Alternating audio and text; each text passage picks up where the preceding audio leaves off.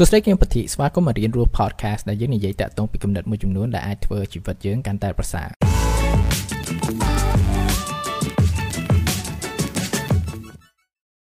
តើធ្វើយ៉ាងម៉េចដើម្បីឲ្យ productive ខ្លាំងច្រើនមែនតើហើយថ្ងៃនេះខ្ញុំចង់ចែកម្លែកតាក់ទងពី domain ទៅថាយើងគួរមើលទៅលើបើថាបើយើងចង់ធ្វើឲ្យខ្លួនយើង productive ខ្លាំងមែនតើហើយនេះគឺជាអ្វីមួយដែលថាខ្ញុំយកមក prepare ហើយខ្ញុំ focus ទៅលើច្រើនមែនតើ អញ្ចឹងវាជួយខ្ញុំមកធ្វើការហើយច្រើនដូចនៅកន្លែងធ្វើការរបស់ខ្ញុំអញ្ចឹងខ្ញុំធ្វើការ JD មួយថាត្រូវ fulfill ដោយមនុស្ស3ទៅ4នាក់អីចឹងចឹងថា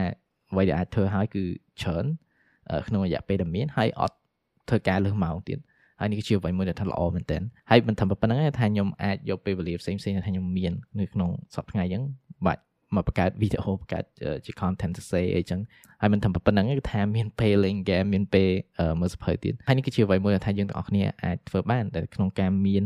high output productivity ហើយជាមួយនឹង being highly effective ហ្នឹងហើយវាជាងតិចនិចថាយើងត្រូវធ្វើអីធ្វើអី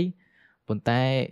ខ្ញុំចង់ចែកម្លែកតាក់ទងពី domain តាក់ទងពី area ដែលថាយើងគួរមើលទៅលើ productivity របស់យើងហ្នឹងអញ្ចឹង domain ទី1ថាយើងមើលហ្នឹងគឺតាក់ទងពីអារម្មណ៍របស់យើងហ្នឹង ឥឡូវ simple មែនតើបើសិនបើអ្នកទាំងអស់គ្នាពងខឹងណាគេមួយដូចថាណាគេទើបជេរយើងហើយណាគេទើបវាយយើងមួយដៃហើយអញ្ចឹងណាអង្គសាក់សាក់អង្គុយសាក់អង្គុយធ្វើការចង់និយាយថាផ្ដោតអារម្មណ៍ហើយជាមួយនឹង focus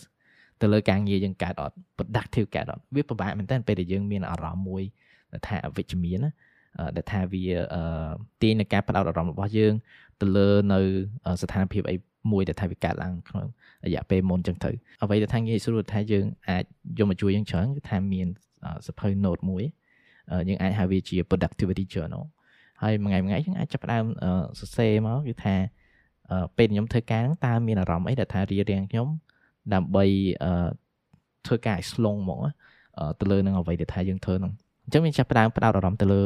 អារម្មណ៍ហើយជាមួយនឹងការគិតមួយចំនួនដែលថា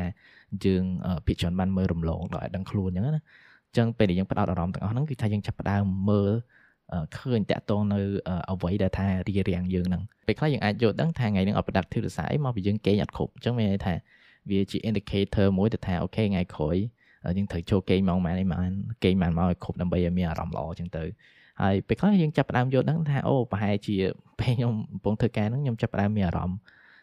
ខឹងពីណាមួយឬគុំពីណាមួយអីចឹងទៅចឹងតាមមានមនុស្ស ប្រហែលអ្នកដែលថាខ្ញុំត្រូវ forgive ដើម្បីខ្ញុំ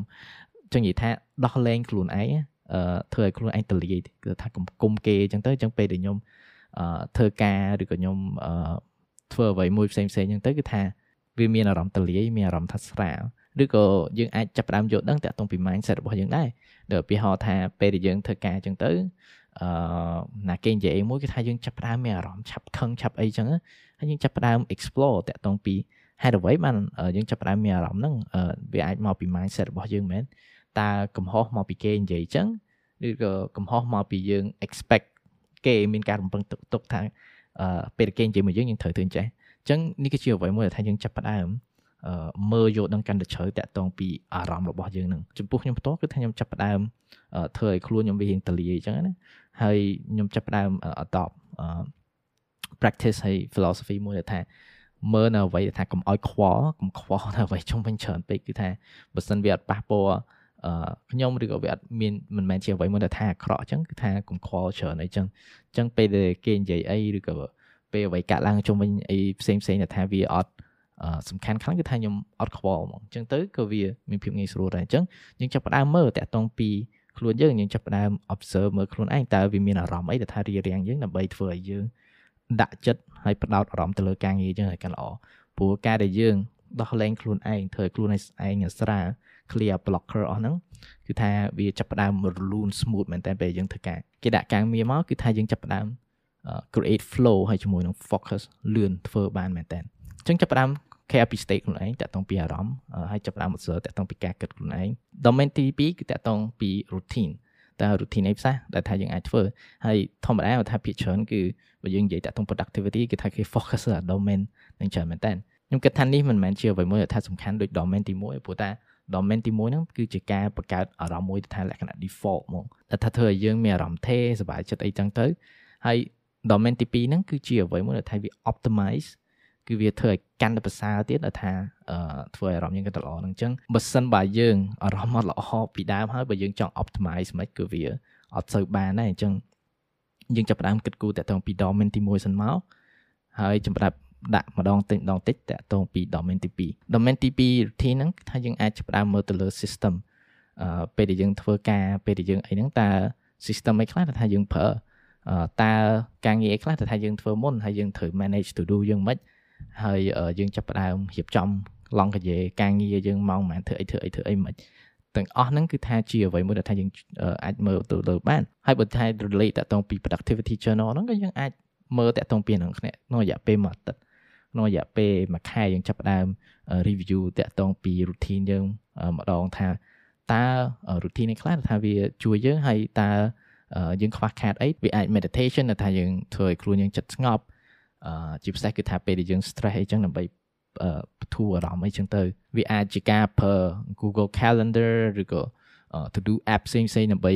ជួយយើងក្នុងការ manage task ផ្សេងផ្សេងវាអាចរៀនតាក់ទងពី productivity system ផ្សេងផ្សេងដូចជា Kanban គឺថាវាមានច្រើនតាក់ទងពី productivity tool productivity hacks នឹងជាអ្វីមួយដែលថាយើងអាចយកមកប្រើបានអញ្ចឹងអ្វីដែលថាយើងអាចធ្វើបានវាមានច្រើនសំខាន់យើងដឹងខ្លួនឯងថាតម្រូវការសំខាន់ របស់យើងជាងគេគឺយើងត្រូវការអីហើយនេះជាអ្វីមួយដែលថាយើងអាចចេះតែពិសោធន៍ចុះពិសោធន៍ឡើងអញ្ចឹងណាម្ដងយើងធ្វើនេះម្ដងយើងធ្វើនោះយើងចេះសាកអញ្ចឹងទៅឲ្យវាមួយខែក្នុងការធ្វើវាសិនទៅអញ្ចឹងពេលដែលយើងតេស្ត routine មួយមួយតេស្ត system មួយមួយយើងអាចមើលឃើញថា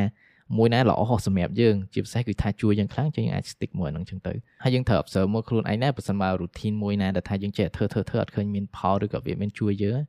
អឺបន្ទាប់ពីរយៈពេល1ខែ2ខែអីអាហ្នឹងយើង ចាប់ផ្ដើម review យើងចាប់ផ្ដើមគិតមើលថាយើងគួរដកវាអត់បើសិនបើ system មួយថាវាអត់ impact positively ឬក៏វាជួយ optimize ការងារយើងទេអញ្ចឹង questionable domain ទី3គឺតាក់ទងពី process ធម្មតាបើយើងធ្វើការអញ្ចឹងទៅយើងតែងតែមាន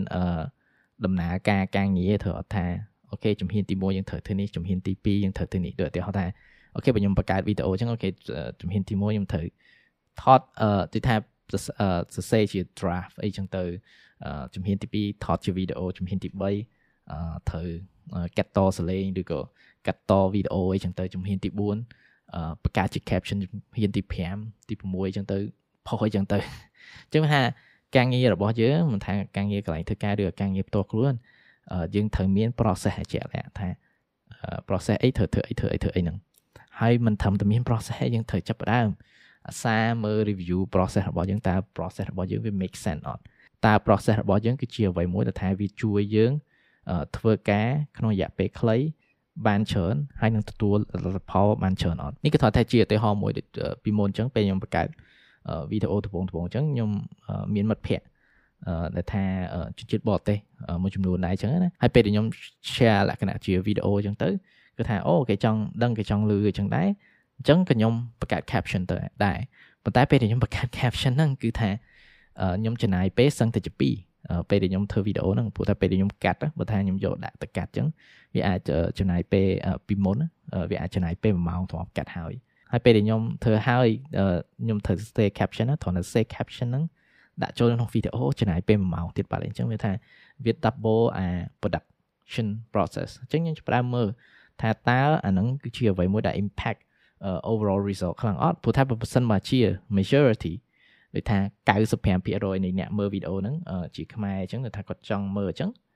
អញ្ចឹង subtitle ប្រហែលជាមិនមែនជាអ្វីមួយដែល influence ទៅលើអា matrix ហ្នឹងខ្លាំងឯងហើយខ្ញុំក៏ចាប់ផ្ដើមតេស្តមើលខ្លួនឯងអូខេតោះបង្កើតវីដេអូប្រហែលវីដេអូទៅកុំដាក់ caption តាមមានអ្នកសួរអត់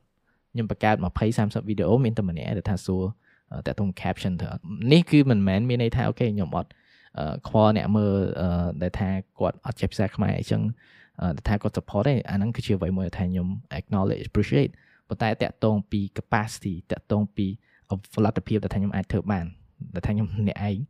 ព្រោះថារងថ្ងៃនេះគឺថាខ្ញុំអត់មានអ្នកជួយគឺថាអ្វីអ្វីទាំងអស់គឺថាធ្វើខ្លួនឯងទាំងអស់អញ្ចឹងតកតងពេលវេលាហើយ capacity ដែលខ្ញុំអាចមាននេះគឺជាអ្វីដែលខ្ញុំអាចធ្វើបាន អញ្ចឹងយើងត្រូវចាប់ផ្ដើមមើល review process ខ្លួនឯងហើយនៅក្នុងការងាររបស់ខ្ញុំក៏ដូចគ្នាដែរដូចឧទាហរណ៍ថាខ្ញុំចូលមកធ្វើការអញ្ចឹងទៅពេលដែលខ្ញុំចូលធ្វើការទៅ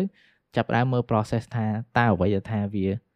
អអត់សំខាន់ព្រោះពេលខ្លះ process មួយមួយបង្កើតមកគឺថាវាមានរយៈពេលយូរវាចាស់ខ្លះវា10ឆ្នាំខ្លះ5ឆ្នាំខ្លះ2ឆ្នាំហើយធម្មតាគឺថានៅកន្លែងការវាអាចមានផ្លាស់ប្ដូរ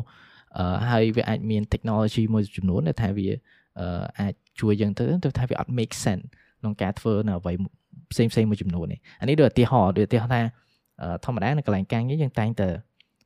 មានអ្នកសរសេរ meeting minute អញ្ចឹងទៅដើម្បីធ្វើជា memo អីចឹងប៉ុន្តែអ្វីដែលថាអាចជំនួសបានឥឡូវយើងត្រូវ record meeting ធ្វើ online មកអាហ្នឹងគឺបានក៏ហើយត្រូវឬក៏អាចមាន AI assistant ដែលថាគេអាចសូបសលេងទៅវាអាចបង្កើតជា